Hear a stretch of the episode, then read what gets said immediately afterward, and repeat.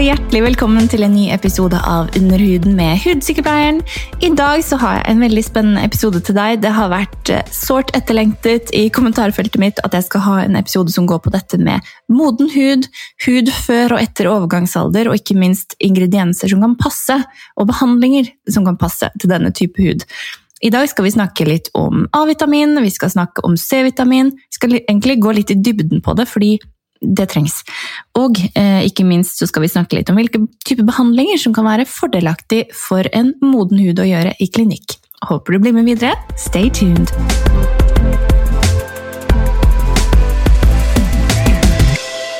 Hjertelig velkommen, alle sammen. Det er fredag, det er snart helg, og eh, takk for at du hører på denne podkasten. I dag skal jeg grave litt dypere i enkelte temaer som dere har spurt meg om på forhånd. Og det aller første jeg vil gå inn på, er dette her med hud, eh, hudpleie, både i og etter overgangsalder, altså med noe pause det er jo noe kvinner i eh, voksen alder opplever, uansett, på et eller annet tidspunkt. Noen før, noen senere, holdt jeg på å si, men ofte rundt 45 eh, års alder. Ehm, sånn at det, det er jo klart at når vi kvinner mister masse østrogen, så skjer det ting i huden. Det fører bl.a. til at underhuden vår blir mye tynnere. Så hvis du ser for deg på en måte en, en sandwich eh, hvor den øverste brødskiva er liksom overhuden, den er relativt tynn, mens det er fyllet i midten, ganske mye, ikke sant, det er underhuden. Og under der igjen så har vi fettvevet vårt. Så underhuden blir da tynnere, og den blir faktisk ekstremt mye tynnere i forhold til hva den var når du var 20, når du nærmer deg 45. Så det i seg selv eh, vil jo på en måte føre til at huden får et lite heng. Ikke sant? Blir det mindre eh, puff i underhuden, så kommer ting til å sige. Og det er jo noe man kanskje opplever før man fyller 40, eh, for den saks skyld. Men det mange opplever da at når man trer inn i menopause, så skjer det ting, og det skjer veldig raskt. Så det å på en måte forebygge litt, og starte allerede nå, for de aller fleste, så kan det være veldig lurt. Så når vi er eh, i 20-åra, så tar det ca. én måned fra en ny hudcelle blir født eh, i huden, til den kommer seg opp på overhuden og skal dette av. Vi mister jo tusenvis av hudceller hver dag. Vi bare merker det ikke, ser det ikke. ikke sant? Det detter av som flass, vi vasker det bort. Huden fornyer seg hele tiden, og det er egentlig ganske kult at vi får en helt ny overhud hver måned. Men denne prosessen tar også litt lengre tid ikke sant? når vi blir eldre. Sånn at fra å gå ca. én måned, så tar det en og en halv til to måneder når vi blir godt voksne. Og det i seg selv eh, kan jo da også føre til at døde hudceller hoper seg litt opp. Og det vil igjen resultere i at man kan komme inn og si at du, jeg føler huden min er blitt litt gusten. Kanskje litt tørr og fått litt mer struktur enn vanlig. Og det er jo en god del av grunnen til det, er jo på en måte at disse døde hudcellene de, de limer seg litt godt fast, detter ikke av like fort som før. Sånn at uh, Det skal vi komme litt tilbake til i forhold til behandlingen. Mange merker også at uh, typisk sånne gamle synder fra når man var tenåring, 20-åra, at når man har solt seg, og det har gått veldig veldig fint, tror man, men de gamle syndene de kommer til overhuden, holdt jeg på å si. De kommer til å synes når man blir litt eldre. Underhudsvolumet blir mindre, og ting begynner å synes gjennom. Så har du fått en pigmentering allerede i 20-årene, og den har ligget og kost seg i bunn, så vil den plutselig kanskje komme til syne. Og det kan resultere at man ikke lenger blir jevnt brun hvis man er ute eller soler seg, noe man eh, kanskje ikke burde, men uansett. At man begynner å få disse her flekkene som mange ofte opp, altså opplever og ser på som, som type aldersflekker. Da. Så, eh, men i alle dager, hva, hva, kan man gjøre med disse tingene? Og som jeg var litt inne på, dette her med at cellefornyelsen går litt tregere. Da må vi ha en ingrediens da, som kan speede opp eh, celleturnoveren, som vi kaller det. Og da er jo retinol eh, en veldig, veldig fin ingrediens. Retinol er en type A-vitamin. Den trenger ikke være retinol, det kan være andre typer retinoider også.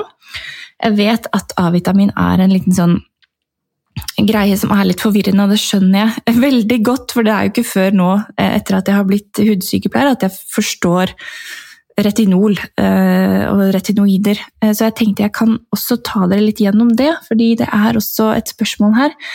Med tanke på ingredienser så bare, vil vi bare gjøre det med en gang, rett og slett. Fordi at Skal vi se altså Retinol er jo det begrepet som de aller fleste kjenner til. Um, men det er bare én type av veldig, veldig mange. A-vitamin altså Retinoider er en fellesbetegnelse på alle typer A-vitamin. Um, og det er jo ikke rart man blir litt forvirret. Så altså, det som er avgjørende, da, er konsentrasjonen av A-vitamin og hvilken type du bruker, som er litt avgjørende av hvilken effekt du får, og hvor irriterende det er.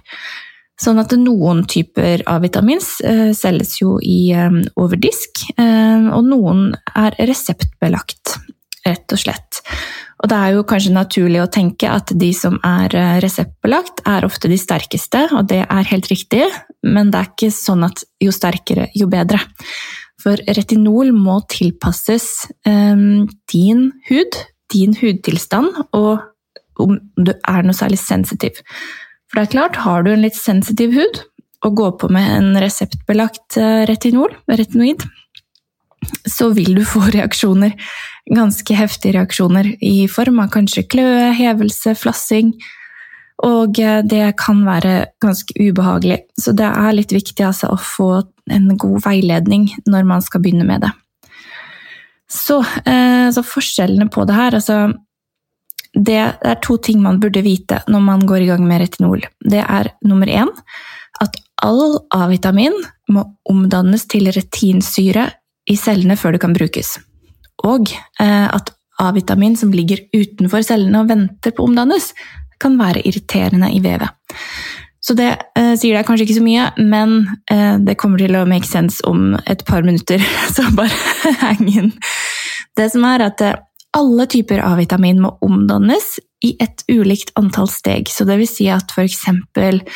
retinalaldehyd um, er en type A-vitamin som kun må omdannes én gang før det blir retinsyre. Mens denne som vi alle kjenner til, retinol, den må omdannes to ganger uh, før det blir retinsyre. Og et steg eh, lengre bak finner vi f.eks. retinylpalmitat, og den må omdannes hele tre ganger før den slipper inn i cellene. Så det sier oss noe om hvor irriterende A-vitaminet er i huden, og jo flere omdanninger, jo mildere er produktet, og jo mindre irriterende er det. Eh, og noen omdannes lettere enn andre. Så som en liten sånn tommefingerregel kan man si at jo mer effektiv A-vitamintypen er, jo mer rød vil huden bli ved bruk, og samtidig så har også Eh, for å gjøre det enda mer forvirrende, ulike brands har jo ulike teknologier bak produktene sine som gjør det på en måte Noen er buffra, dvs. Si at noen liksom er tilsatt ekstra type ingredienser for å gjøre de mildere på huden og unngå irritasjon osv. Så, videre. så det Ja. Det er jo ofte ikke reseptbelagte ting. De er jo på en måte Det er det det er, og så påfører du det, og så får du virkningen der og da.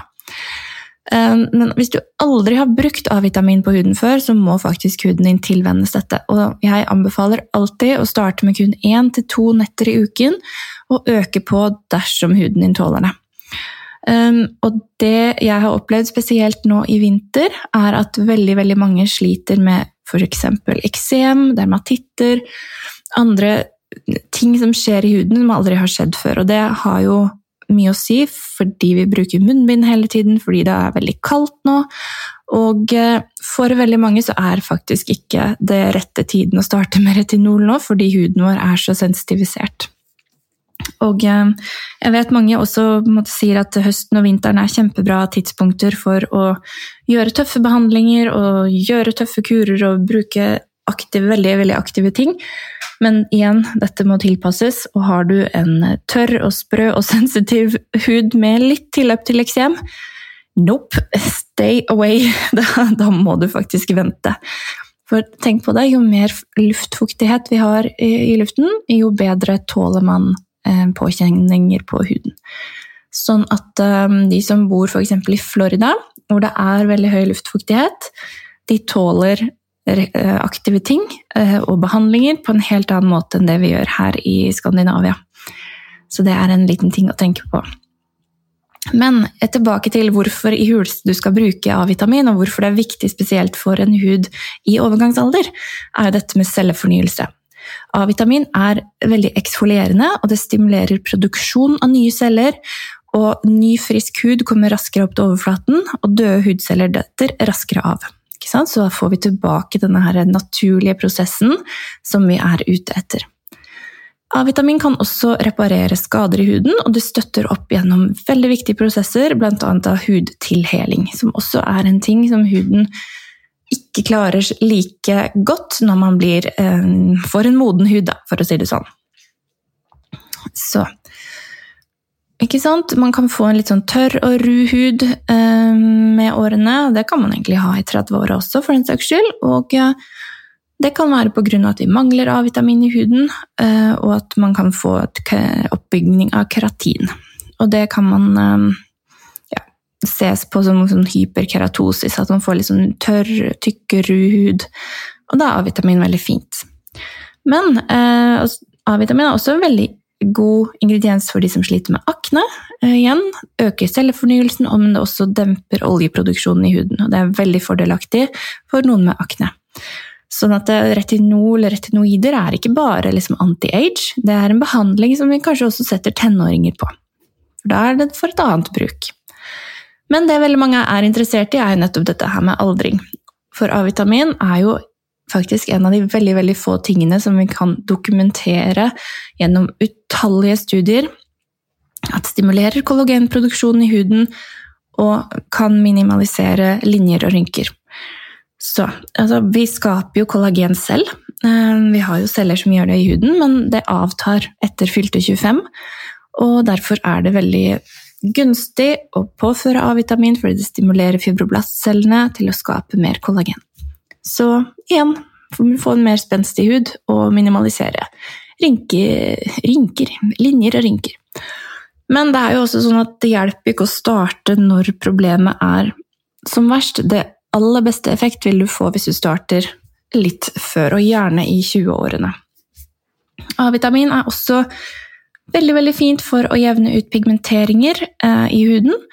Pigmenteringer er jo veldig vanskelig å jobbe med, men eh, A-vitamin er gunstig for å stoppe enkelte av prosessene som skjer fra UV liksom treffer huden, og den setter i gang en melaninsyntese, altså pigment, at det skal dannes, A-vitamin har en rolle i å stoppe hele den prosessen. Og det kan også lysne litt. Så jeg vil egentlig anbefale de fleste å bruke A-vitamin i en eller annen form. Um, noe som passer til din hud sin um, tilstand, egentlig. Hvordan, det, hvordan takler det. Men det er også litt sånn vanskelig å komme i gang med det på egen hånd, fordi ofte så begynner man altfor kraftig og går litt for hardt ut, rett og slett. Og jeg må bare putte inn det at hvis du skal bruke retinoider, så er det også veldig, veldig viktig å bruke solkrem. Eller UV-krem, som jeg har begynt å kalle det, fordi um, sol, altså, sol, har vi ikke alltid, men vi har alltid UV-stråling. Og det er det vi beskytter oss mot i like stor grad som den sola. Um, UV kommer jo fra sola, for den saks skyld, men altså, er, jeg føler det er veldig mange som ikke ser helt nytten av å bruke uh, solkrem når det er overskya, men det er det faktisk uh, fordi UVA-strålene kommer gjennom skyene, og de elder huden din. Så hvis du er interessert å ha en veldig, veldig fin hud når du blir litt eh, modnere i huden, ikke skipp den solkremen. Det er den billigste anti-age-kremen du finner, og den er gull verdt. Så, men man burde da bruke kanskje retinoider fortrinnsvis om natten, og de må du da vaske av om morgenen. Og også veldig lurt å smøre seg med antioksidanter på dagtid for å hindre de skadelige strålene, ikke sant? Og solkrem på toppen. Da er det ganske komplett, egentlig. Veldig, veldig bra. Um, så um, ikke sant? Nå har vi snakket litt om dette med overgangsalder, hva man kan bruke. Vi har snakket om A-vitamin. Um, vi kan jo også ta oss og se litt på dette med C-vitamin.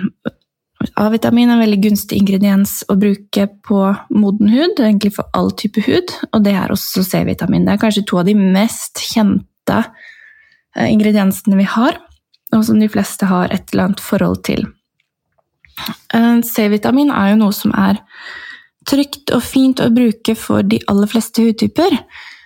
Og det er ofte i forskjellige serumer man bruker på dagtid. Det er jo en antioksidant, så det inngår ofte i antioksidantserumer. Det eh, starter ofte fra rundt 5 til 10 og helt opp til 30 Det man skal vite, er at jo høyere prosent C-vitamin det er, jo mer irritativt er det på huden. Så har man en litt sånn skjør barriere, kan det faktisk hende at man får en liten reaksjon i huden hvis man bruker for høy prosent av C-vitamin. Da kan man eventuelt blande den litt ut eh, med en fuktighetskrem, eller rett og slett ha en litt lavere prosent. Men fordelene eh, med C-vitamin er jo altså, først og fremst at det er denne antioksidanteffekten. Antioksidanter de hindrer hindrer friradikaler fra å ødelegge cellene dine, enkelt forklart. Hver gang du er ute, hver gang du sitter foran en skjerm, hver gang du, en bil kjører forbi deg, altså eksos, forurensning, alle disse tingene her gjør at prosesser i huden eh, det, det utløses noe vi kaller for friradikaler. Og friradikaler de mangler et atom, eh, og det betyr at de gyver løs på friske celler i, i håp om å få tilbake dette atomet, og da skader de rett og slett hudcellene våre. Så det antioksidanten gjør da, er at de beskytter cellene og nøytraliserer disse frie radikalene. Så antioksidanter kan du egentlig se på som en forsikring du kan smøre på huden hver dag for å unngå at uh, huden din tar skade. Når du kombinerer det i tillegg til en UV-krem, da er du ganske helgardert uh, mot skader, så det vil jeg absolutt anbefale deg. Uh, C-vitamin er også mildt lysnende på huden, dvs. Si at pigmenteringer kan bli noe dusere ved bruk av C-vitamin. Og det kan også hjelpe til med å redusere rødhet og jevne ut hudtonen din. Um, ja. Og hvis man bruker det under øynene, så kan det faktisk dempe litt på, på ja, det man kan kalle underøye Altså circles, da, dark circles. Men det igjen kommer litt an på hvorfor de er der. Um, ja. Det er faktisk også en eh, viktig del av kollagenproduksjonen. Så um, ja, veldig, veldig fint til å booste, booste litt med. Så ja, der har du det. Jeg det liksom er to ting du burde se litt på i overgangsalderen. Så er det retinol og C-vitamin. Men vi må jo heller ikke glemme at huden trenger fuktighet. Så hvis du har en, måte, en god fuktighetskrem, du har antioksidantserum og A-vitamin, eh, så gjør du veldig mye riktig. Veldig mye riktig, faktisk. Vi må også tenke litt på hvordan vi forbehandler huden før vi putter på alle disse tingene. Det er jo klart at um, de aller fleste har fått med seg at det å rense huden er veldig viktig, og det er det. Så jeg vil absolutt anbefale å rense huden egentlig både morgen og kveld. Kveld er kanskje den som er mest obvious for folk, fordi da har man jo kanskje hatt på sminke, man har brukt solkrem, fått forurensning på huden. Men eh, også om morgenen så er det viktig å rense. Både for å få gammel hudpleie, som du smurte deg med kvelden før, men også fordi at huden skiller ut eh, avfallsstoffer i løpet av en natt. Sånn som olje og svette, sånne type ting det er veldig, veldig fint å få bort, fordi altså, får man det bort, så vil også det du legger på etterpå, kunne komme seg ned, trekke seg ned i huden på en helt annen måte enn om du bare klasjer det på eh, hvis du bare har vasket deg med vann. Fordi Tenk, da. Eh, de som går med briller, de, de tar den her veldig lett. I løpet av en dag tar man på brillene sine ganske mange ganger, og man ser det blir sånn fettlag på brillene. ikke sant? Tar du en klut med bare vann, kaldt vann, og skal prøve å rense bort det, så ser du at det blir kanskje ikke 100% Det vil fortsatt ligge en liten film igjen på det brilleglasset. Og man kanskje ha en spesialrens for å få det bort, noe som løsner opp i den eh, oljen. Akkurat det samme med huden din. Du må faktisk ha en rens som er designet for å, eh, for å fjerne litt av den oljen, sånn at eh, det du putter på senere, kommer til sin rett. Så da, for å ta en liten oppsummering, så har vi jo snakket litt om hva, det, hva som er viktig um, å gjøre når du kommer i overgangsalderen og huden begynner å ja, forandre seg litt. Um, hvis du ikke har brukt A-vitamin før, så begynn med det nå. Gjør det gjerne om natten, få litt hjelp og veiledning til hvilken type som kan passe din hud. Bruk gjerne et C-vitaminserum på morgenen etter en god rens, selvfølgelig, og en fuktighetskrem som gir deg masse ja, god fukt i dypet, og som kan plømpe huden litt. Solkrem også, kjempeviktig. Påfør gjerne flere ganger i løpet av dagen, så du er sikker på at UV-beskyttelsen er på topp. Jeg tenkte også jeg skulle si noe om hvilke typer behandlinger man kan gjøre i klinikk for å få resultatene raskere, for å speede opp litt prosesser. Og da kommer vi egentlig ikke utenom noe som vi kaller for kjemisk peeling. Eh, kjemisk peeling er jo egentlig en type eksfoliering. Det vil rett og slett si at vi speeder opp prosessen med at de døde hudcellene skal dette av. Så en peeling er en, eh, ofte en type syre som er, har en litt lavere pH enn huden. Eh, og det vil si at vi løsner opp bindingene mellom de døde hudcellene. For hudcellene sitter jo fast eh, i hudlagene nedover, men vi kan begynne å klippe de opp litt, sånn at de kommer til å dette av raskere. Da vil ny, frisk hud komme opp, og man kan tilføre ingredienser nedover i huden mye dypere enn det man vanligvis får til. For man må faktisk huske på at huden er jo laget eh, vanntett. Den er fetttett, den er en barriere, så det skal en del til for å faktisk få ting ned i huden mange opplever ofte og, og, sier til meg at ja, men jeg har kjøpt en krem, og jeg syns den bare legger seg på toppen av huden. Og det er jo spot on, det mange ting ofte gjør. Det legger seg som et sånt lokk på toppen av huden, og det kan være veldig fint for noen hudtyper, og veldig ugunstig for andre hudtyper igjen. Men det som ofte er, er at um, Enkelte brands eh, bruker en del penger og tid på å skape en teknologi i kremen sin, sånn den kan smelte seg nedover i huden gjennom vann, gjennom fett, for å liksom komme til mål da, og kunne gjøre jobben sin på en mye bedre måte. Anyway, um, Kjemiske peelinger kan være greit å gjøre gjerne annenhver måned. Eh, man kan gjøre milde typer i sommerhalvåret også. Høsten er en fin tid å kanskje sette inn et ekstra gir, eh, fordi da har man, man har ikke fått eksem ennå pga. den tørre vinteren som kommer. Så høsten er egentlig veldig fint. Eh, vi kommer heller ikke unna å snakke litt om mikroneedling. Det er det også flere som har spurt om. Hva det egentlig er, hva det er godt for, hvorfor man burde gjøre det. Og mikronidling, kort fortalt, er eh, sterile nåler som glir over huden din, som skaper en, eh, et traume i huden som gjør at hudens egne reparasjonsmekanismer settes i gang. Egentlig på lik linje som hvis du får et skrubbsår. Da trigger vi også immunapparatet ditt til å sette i gang prosesser. Men med mikronidling så slipper man arrdannelse. Og det er det som er veldig fint.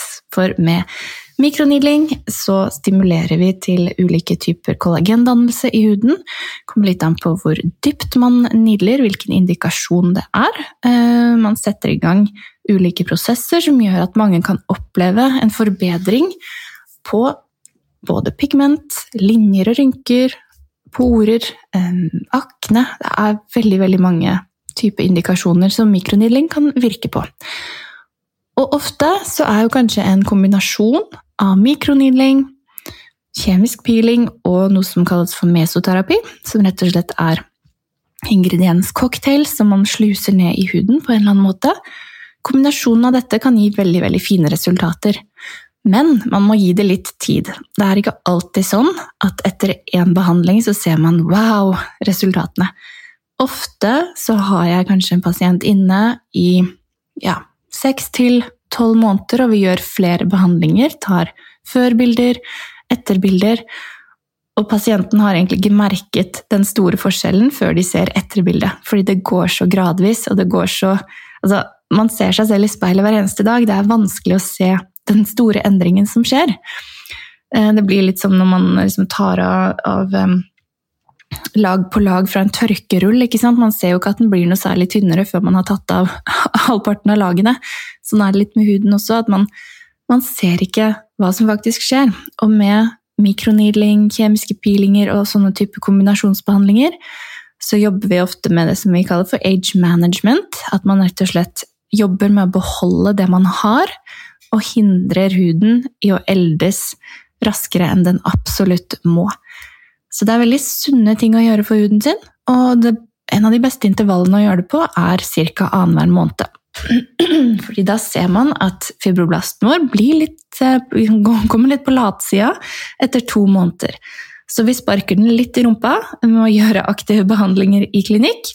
Og så tar det ca. to måneder før den sovner litt igjen, og så bare sparker vi den i rumpa en gang til. Og sånn holder vi egentlig på, for hud er ferskvare, dere. Det er dessverre ikke noe som, som vi kan gjøre permanent. Eh, man må fortsette å gjøre behandlingene underveis for å beholde resultatet. Så sånn er det bare, rett og slett.